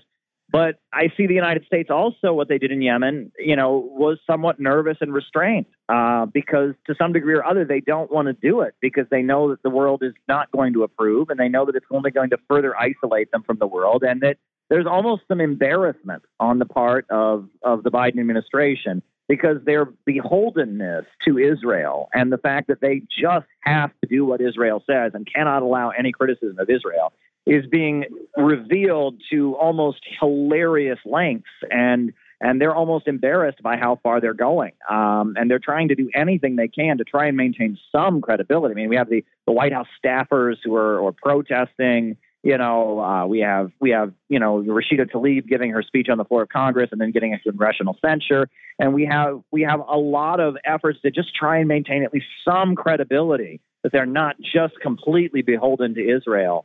Um, but it, it just doesn't seem to be working, and the world is looking on at the United States and saying, you know, this is the country that's constantly lecturing us about a rules-based global order, et cetera. And it's just like they've given one country a green light to continue its onslaught and uh, there will be there will be no one opposing them. There will be no one criticizing them, even in the slightest. Uh, it's kind of making uh, the statements of U.S. leaders almost laughable. Well, and it it becomes increasingly more challenging to take anything that Tony Blinken says seriously when the State Department articulated position on the South African case at the uh, International Court of Justice is this is totally meritless. It is baseless.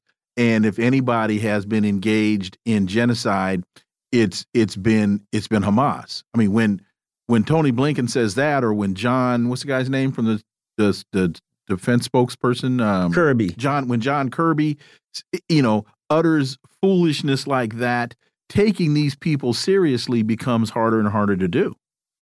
Yes, yes, I would agree. I mean, this is this is a situation where the United States is really embarrassed and trying to maintain the same foreign policy status quo that it's you know carried out for the last several decades is just getting harder and harder and harder. Caleb Maupin, as always, thank you so much for your time. Greatly, greatly appreciate that analysis, and we look forward to having you back. Sure thing. Always a pleasure. Folks, you are listening to the Critical Hour on Radio Sputnik. I'm Wilmer Leon. I'm joined here by my co host, Garland Nixon. There's more on the other side. Stay tuned.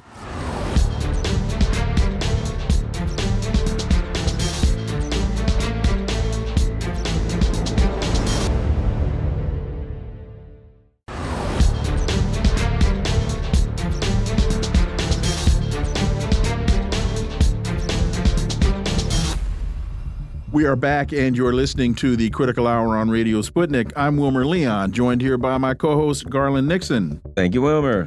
Sputnik International reports North Korean delegation's Russia visit spurred by changing geopolitical climate. A delegation from North Korea, headed by Foreign Minister Cho Sun Hui, or I'm sorry, Hui, is paying a visit to Russia from the 15th to the 17th of January.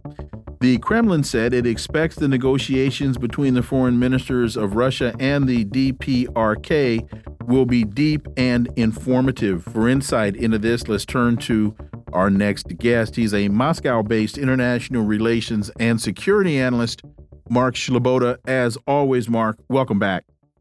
Dr. Leon, thanks for having me. It's always an honor and a pleasure to be on the critical hour. So, Mark, the uh, the piece continues. The current visit of the North Korean delegation to Moscow is evidence of the progress in development of Russia's relations with the DPRK. A uh, professor of Far Eastern Federal University in Vladivostok told Sputnik, "quote More specifically, I would suggest that the visit may be aimed at preparing Russian President Putin's visit to Pyongyang. As you know, he received such an invitation from Kim Jong Un last year." uh, Professor Lunkin from the uh, Far Eastern Federal University in Vladivostok said. Your thoughts, Mark Sleboda? Yeah, um, there's no question that there has been a, I, I don't know if you want to call it a rapprochement, but a strengthening of relations between Russia and North Korea uh, in the last two years, particularly in the last year. Um, uh, Russia uh, now uh, is far more sanctioned than North Korea, Russia having the dubious distinction of being sanctioned more by the US and the West than any other country in the world and and finding itself in a very uh, similar situation. And uh, if we are to judge by western media accounts Russia and North Korea have signed a uh, defense uh, uh, military technical security pact that would see uh, North Korea transfer millions of potentially millions of artillery shells and uh, according again to Western mainstream media reports, ballistic short and intermediate range ballistic missiles as well to Russia for use in their intervention in the Ukrainian civil conflict, special military operation. Uh, the uh, North Korean leader Kim Jong Un was in Russia last year uh, and an extended an invitation, and Putin seems uh, very much inclined uh, to reciprocate in the near future. So that is certainly possible. one of the possibilities for what seems to be fairly urgent and, as they say, intense discussions. But I, I think the descriptions of it seem to indicate that there are other things, perhaps more important, being discussed as well. Uh, uh, certainly, uh, if there is indeed a defense uh, technical relationship that sees the some kind of exchange of arms, that would very much be a priority. Also, um, tensions on the Korean Peninsula are escalating to a level that uh, some say is unheard of before. Um, this began, I would say, really, it began with the uh, new uh, South Korean leader who is very much aligned with the United States. Um, I mean, there was a cringe-worthy moment where he went and was singing "Bye Bye Miss American Pie" with with uh, Joe Biden. Uh, really quite embarrassing uh, for uh, the, the, idea that South Korea is a sovereign and independent country. It certainly didn't appear that way, uh, but uh, more particularly with um, U.S. and South Korea resuming provocative military drills on the North Korean border at the end of December, North Korea has designated that there is no longer any possible possibility of peaceful reconciliation and has designated South Korea as an enemy country. There have been exchanges of what are considered provocations on both sides. Uh, we've seen uh, military drills, we've seen exchanges of artillery, and uh, North Korea just tested a hypersonic glide vehicle uh, in the last few days. So tensions are dramatically increasing. Uh, and the Russian government, the Russian foreign minister, went out of their way uh, to specify that they see. They uh, frown on that. They they look with disapproval on anything that would exacerbate tensions on the Korean Peninsula. And with the mention that uh, North Korea that of of interest is the changing geopolitical situation.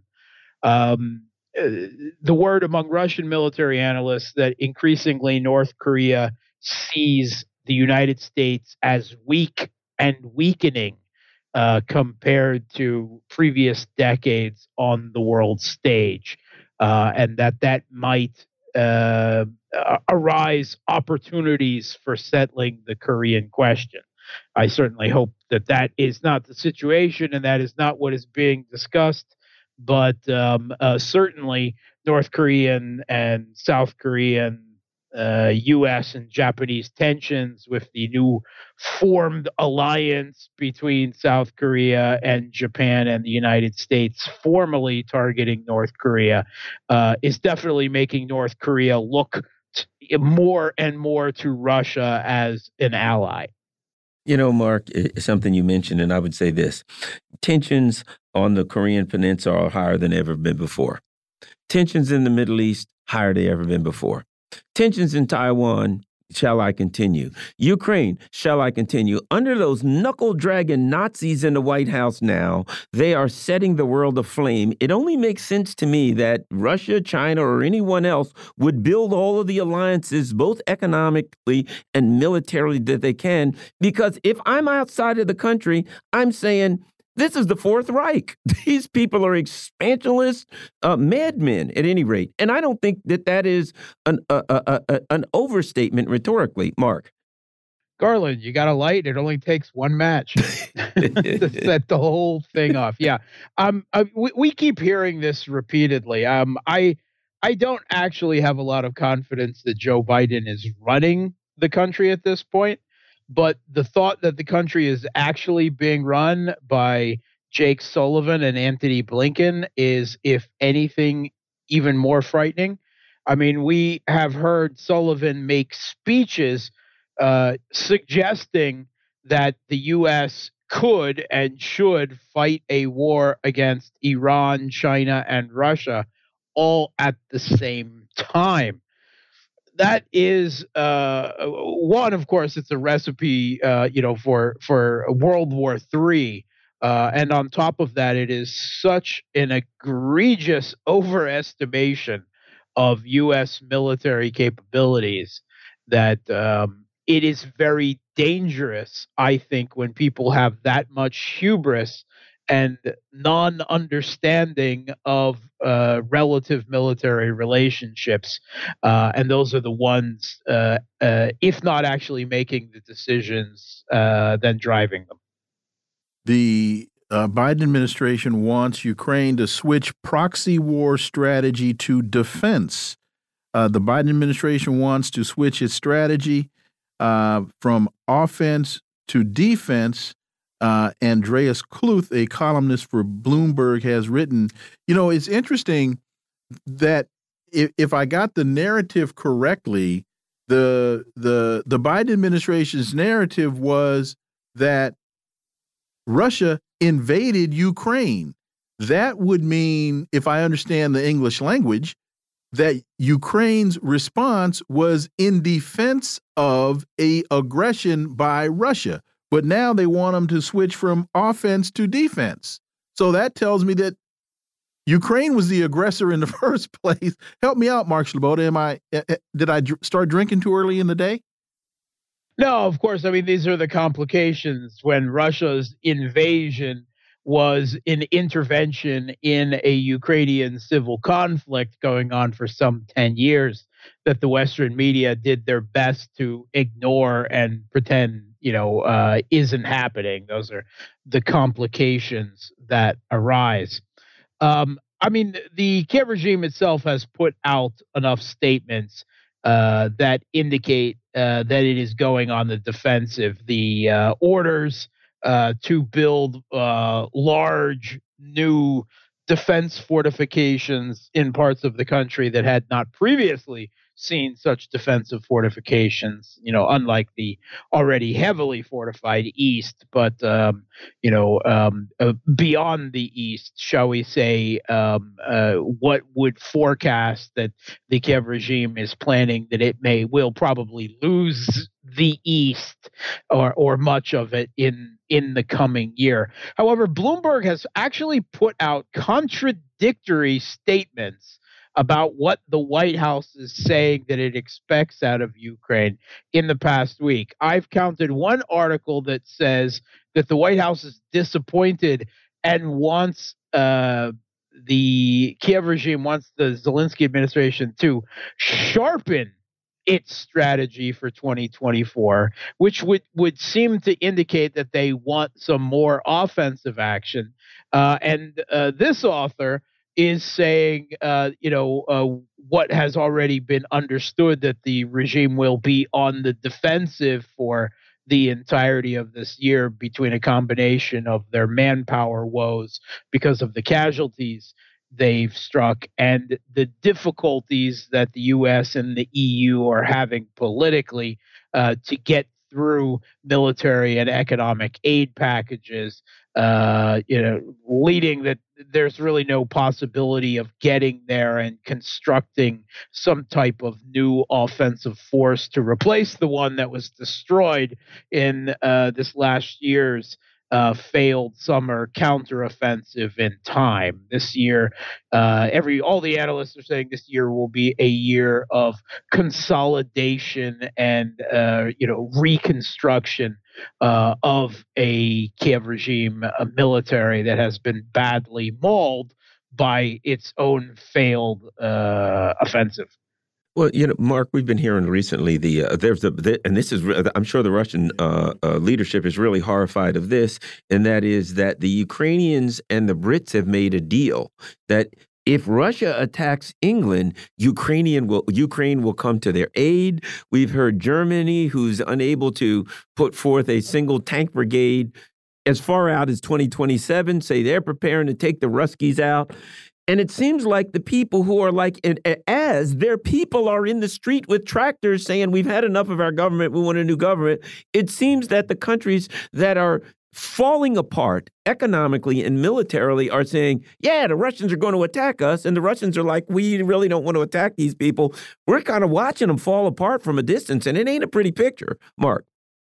Yeah, I mean, there does seem to be a real contradiction. And I, I think that at this point, the uh, mouths of certain European leaders like Olaf Scholz and, and our old friend Joseph Borrell are their their egos and their mouths are writing checks that their um, uh, you know budgets can't cash at this point, and certainly far beyond their military capabilities. Germany is indeed sending a tank battalion to the Baltics or to uh, uh a, a tank battalion that doesn't have any tanks because they gave all the tanks to Ukraine to the Kiev regime, and the Kiev regime is. Uh, we also hear reports that all of those tanks are uh, out of commission, uh, either through being destroyed by Russia or simply through the fact that they are badly constructed and can't handle a real world environment and wear and tear on the tracks and such uh, means that they're all in dire need of maintenance that the Kiev regime is incapable of preparing. So, uh, and and we actually hear numerous such reports from the German military about its own capabilities, its its failure to maintain uh, its own uh, and uh, military equipment, and and this is from what is supposedly the largest and most powerful military uh, on the continent. Um, I, I, think actually that should probably go to Poland now, uh, but um, we hear Sweden and uh, the Netherlands, uh, the, the, politicians there have both made statements in the past couple of weeks that their people should prepare for war with Russia. Um, I, I, mean, they're trying. Uh, there's a, a story right now in the German tabloid Bild, supposedly a secret document that they attained from the German Defense Ministry, who uncovered Russia's secret invasion plans for several years in the future. It's all some uh, elaborate hoax and and and you know reads like, well, a really bad Tom Clancy novel, not like the good ones, but like the really bad ones that that that came later. Uh, it is a ridiculous scenario, and basically they're reduced to scaremongering their own populations in Europe now with the threat that Russia will attack them if their proxy regime in Kiev falls, in order to try to convince them to keep, you know, uh, shoveling uh, their own taxpayer money uh, into this this failed geopolitical project in Ukraine. Mark Sleboda, as always, thank you so much for your time. Greatly, greatly appreciate that analysis, and we look forward to having you back. Thanks for having me. Folks, you are listening to the Critical Hour on Radio Sputnik. I'm Wilmer Leon. I'm joined here by my co host, Garland Nixon. There's more on the other side. Stay tuned.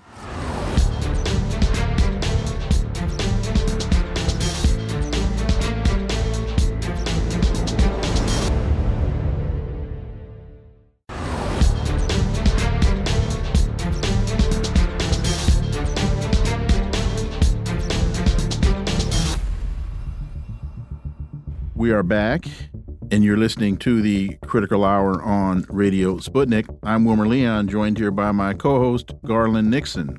Thank you, Wilmer.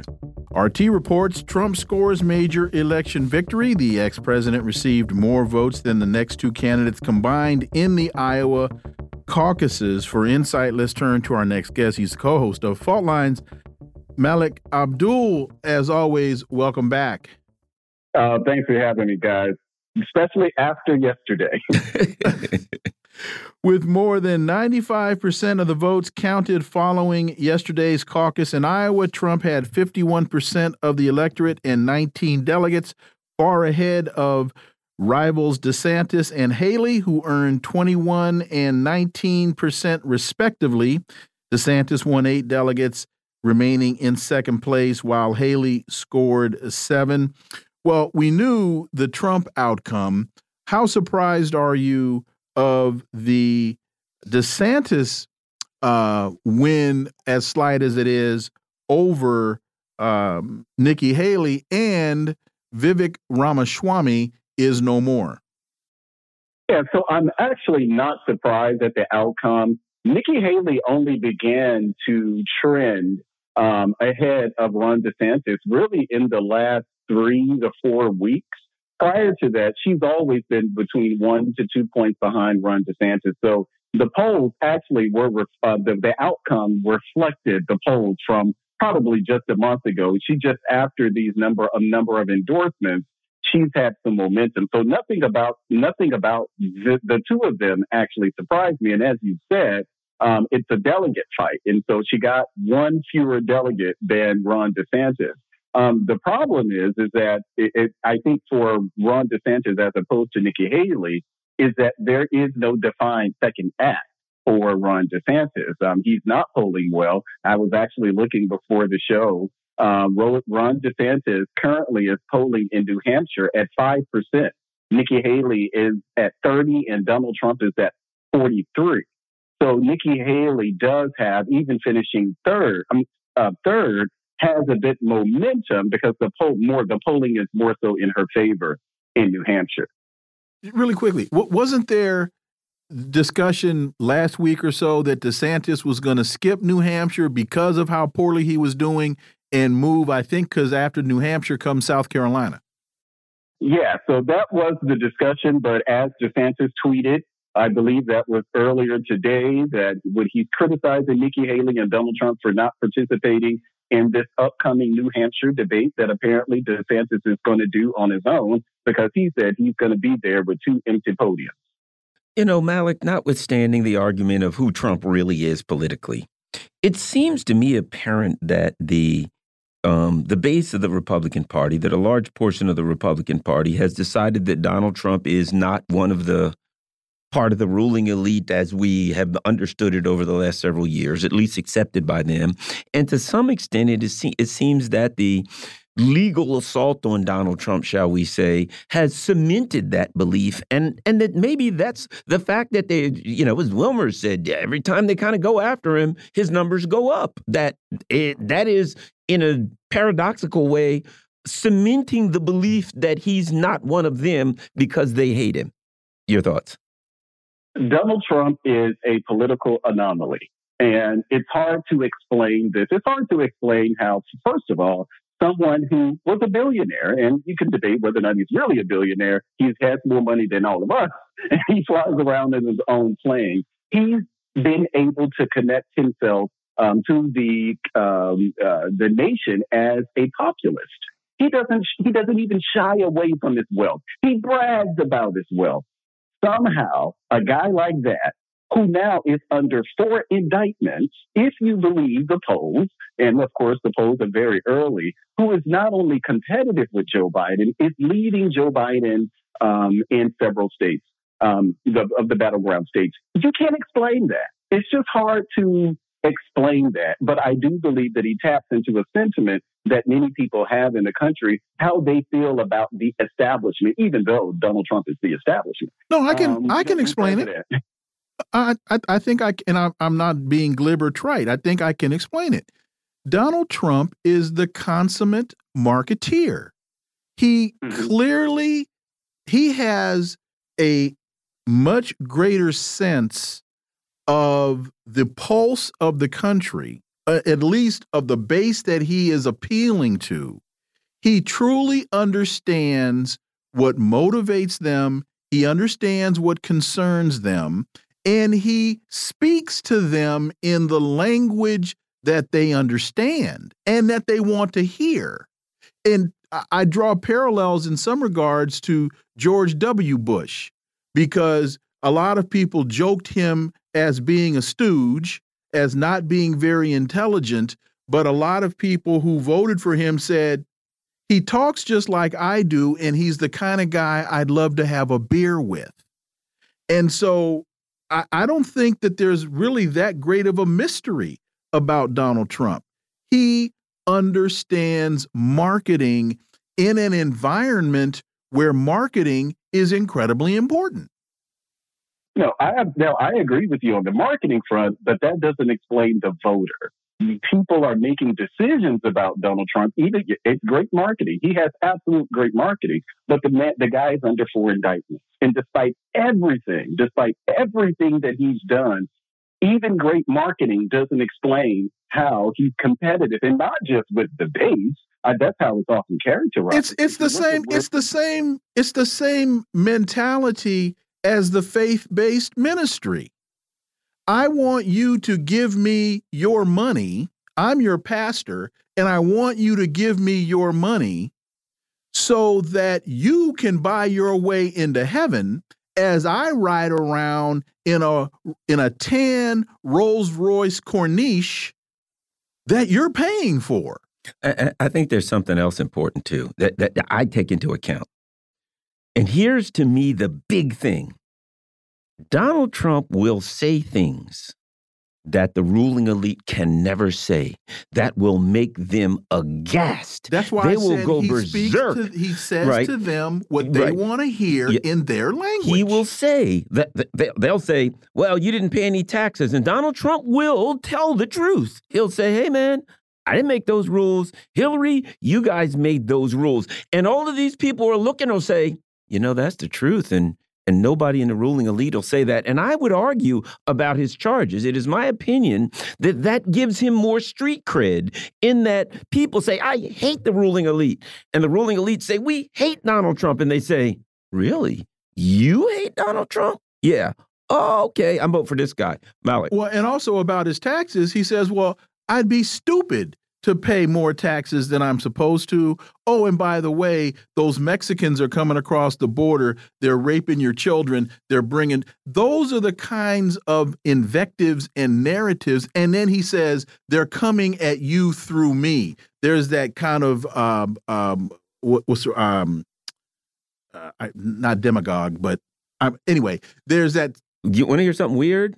When he says the ruling elite are coming at you through me, I agree with them. Oh, well, I agree with them. Right. Because they want to vote for Donald Trump. And the ruling elite, but forget who he is, they want to vote for Donald Trump. And the ruling elite says, I'm not going to let you vote for Donald Trump. It's true. Malik. As odd as that is. Okay, Malik. No, I, I mean I, I agree with I agree with some of those points for sure. But I say that unlike a George Bush, Katrina, the Iraq War, that actually damaged George Bush. Nothing has damaged Donald Trump here, and I, but I do think a lot of those sentiments, and it's just across the board. It's not. That's why I often say it's not just debate. It is literally across the board. He speaks in a language that people really appreciate. Now, it doesn't mean that they're in love with Donald Trump, but I think that the problem why Donald Trump is even able to do as well as he has thus far is because of Joe Biden himself. Mm-hmm. Joe Biden is more of a diminished Joe Biden in office. If he will, the Joe Biden of the, let's say, um, two, well, you can't say 2020 because he was in the basement, but 2008, 2012, if he looked as if he was more energetic, Joe Biden looks old. He looks Mhm. slow, and that factors into how people perceive him, despite the things that are he's you know getting better with as far as the economy and stuff. It's a diminished Joe Biden that Donald Trump is running against, and that's helping him. And basically we are i think we are looking at uh, hillary clinton against joe against uh, donald trump. We're seeing a replay of that now Mhm. because hillary clinton had no message other than i'm not donald trump. And And let's go start another war. and the word i was the word i was struggling for was martyr. He's he's playing he's playing the role of the martyr. And again going back to the whole prosperity ministry foolishness. And uh so joe so joe biden now has no message. And so his message is i'm not donald trump.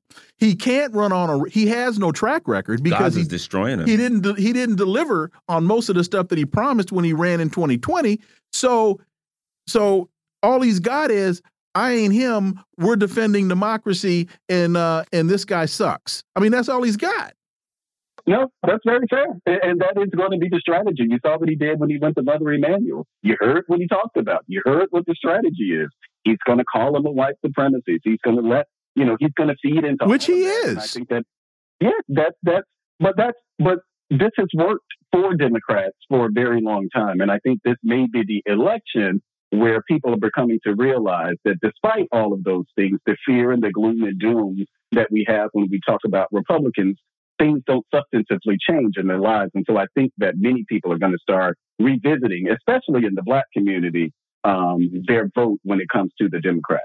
I had a black person tell me that they hate Donald Trump, they can't stand him, they think he's a racist, and they're going to vote for him. That black person said that, young black person, and ba but basically what they said was, well, at least when he was in office, things were cheap. We weren't in all these wars, blah blah blah. So they were able to turn to say, yeah, I think all the bad about Ronald Donald Trump, but they just said, eh. It, doesn't it always get back to this? But things were better off four years ago. Are you better off than you were four years? And they just looked at that and said, that, uh, forgive me, trumps everything. malik abdul as always thank you so much for your time greatly greatly appreciate it we look forward to having you back Hey, folks, you've been listening to the Critical Hour here on Radio Sputnik. Thank you for allowing our voices into your space. On behalf of myself and my co host, Garland Nixon, we hope you were informed and enlightened, and we look forward to talking with you all right here tomorrow on Radio Sputnik. Be safe, peace and blessings. We're out.